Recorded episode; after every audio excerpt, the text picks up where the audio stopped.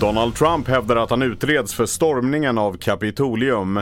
Expertens tips får myggorna att tuppa av och jätteskräll i Båstad när Leo Borg tog sin första ATP-seger. Det här är TV4-nyheterna. Den tidigare amerikanske presidenten Donald Trump säger att han har blivit meddelad av den särskilda åklagaren Jack Smith att han är i mål i en brottsutredning kring händelserna den 6 januari 2021, skriver TT och hänvisar till amerikanska medier.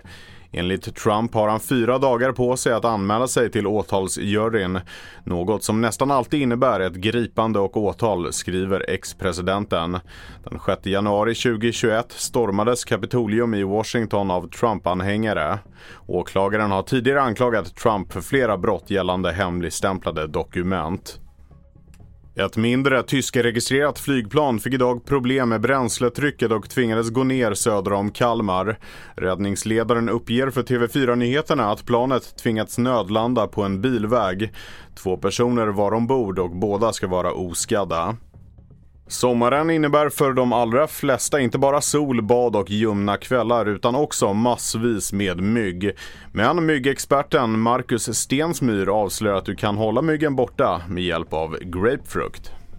Ja, det finns ett ämne som sitter i skalet som heter notkaton. Eh, och det ämnet, eh, vi vet inte riktigt exakt vad som händer men de absolut avskyr det. Och vad som en sak som händer i alla fall är att det påverkar hur deras hjärna signalerar så att de får som ett epileptiskt anfall och tuppar av efter ett tag om de är i kontakt med det. Och så till Båstad där Leo Borg stod för en riktig skräll när han slog ut Elias Ymer i två raka set i första omgången av Nordea Open. Den 20-årige svensken tog därmed sin första seger på ATP-touren och klättrade nästan 50 placeringar på världsrankingen.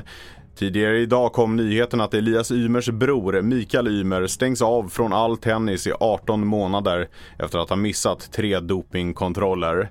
Mer nyheter hittar du på tv4.se.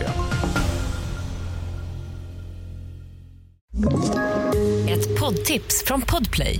I fallen jag aldrig glömmer djupdyker Hasse Aro i arbetet bakom några av Sveriges mest uppseendeväckande brottsutredningar går vi in med hemlig telefonavlyssning och, och då upplever vi att vi får en total förändring av hans beteende. Vad är det som händer nu? Vem är det som läcker?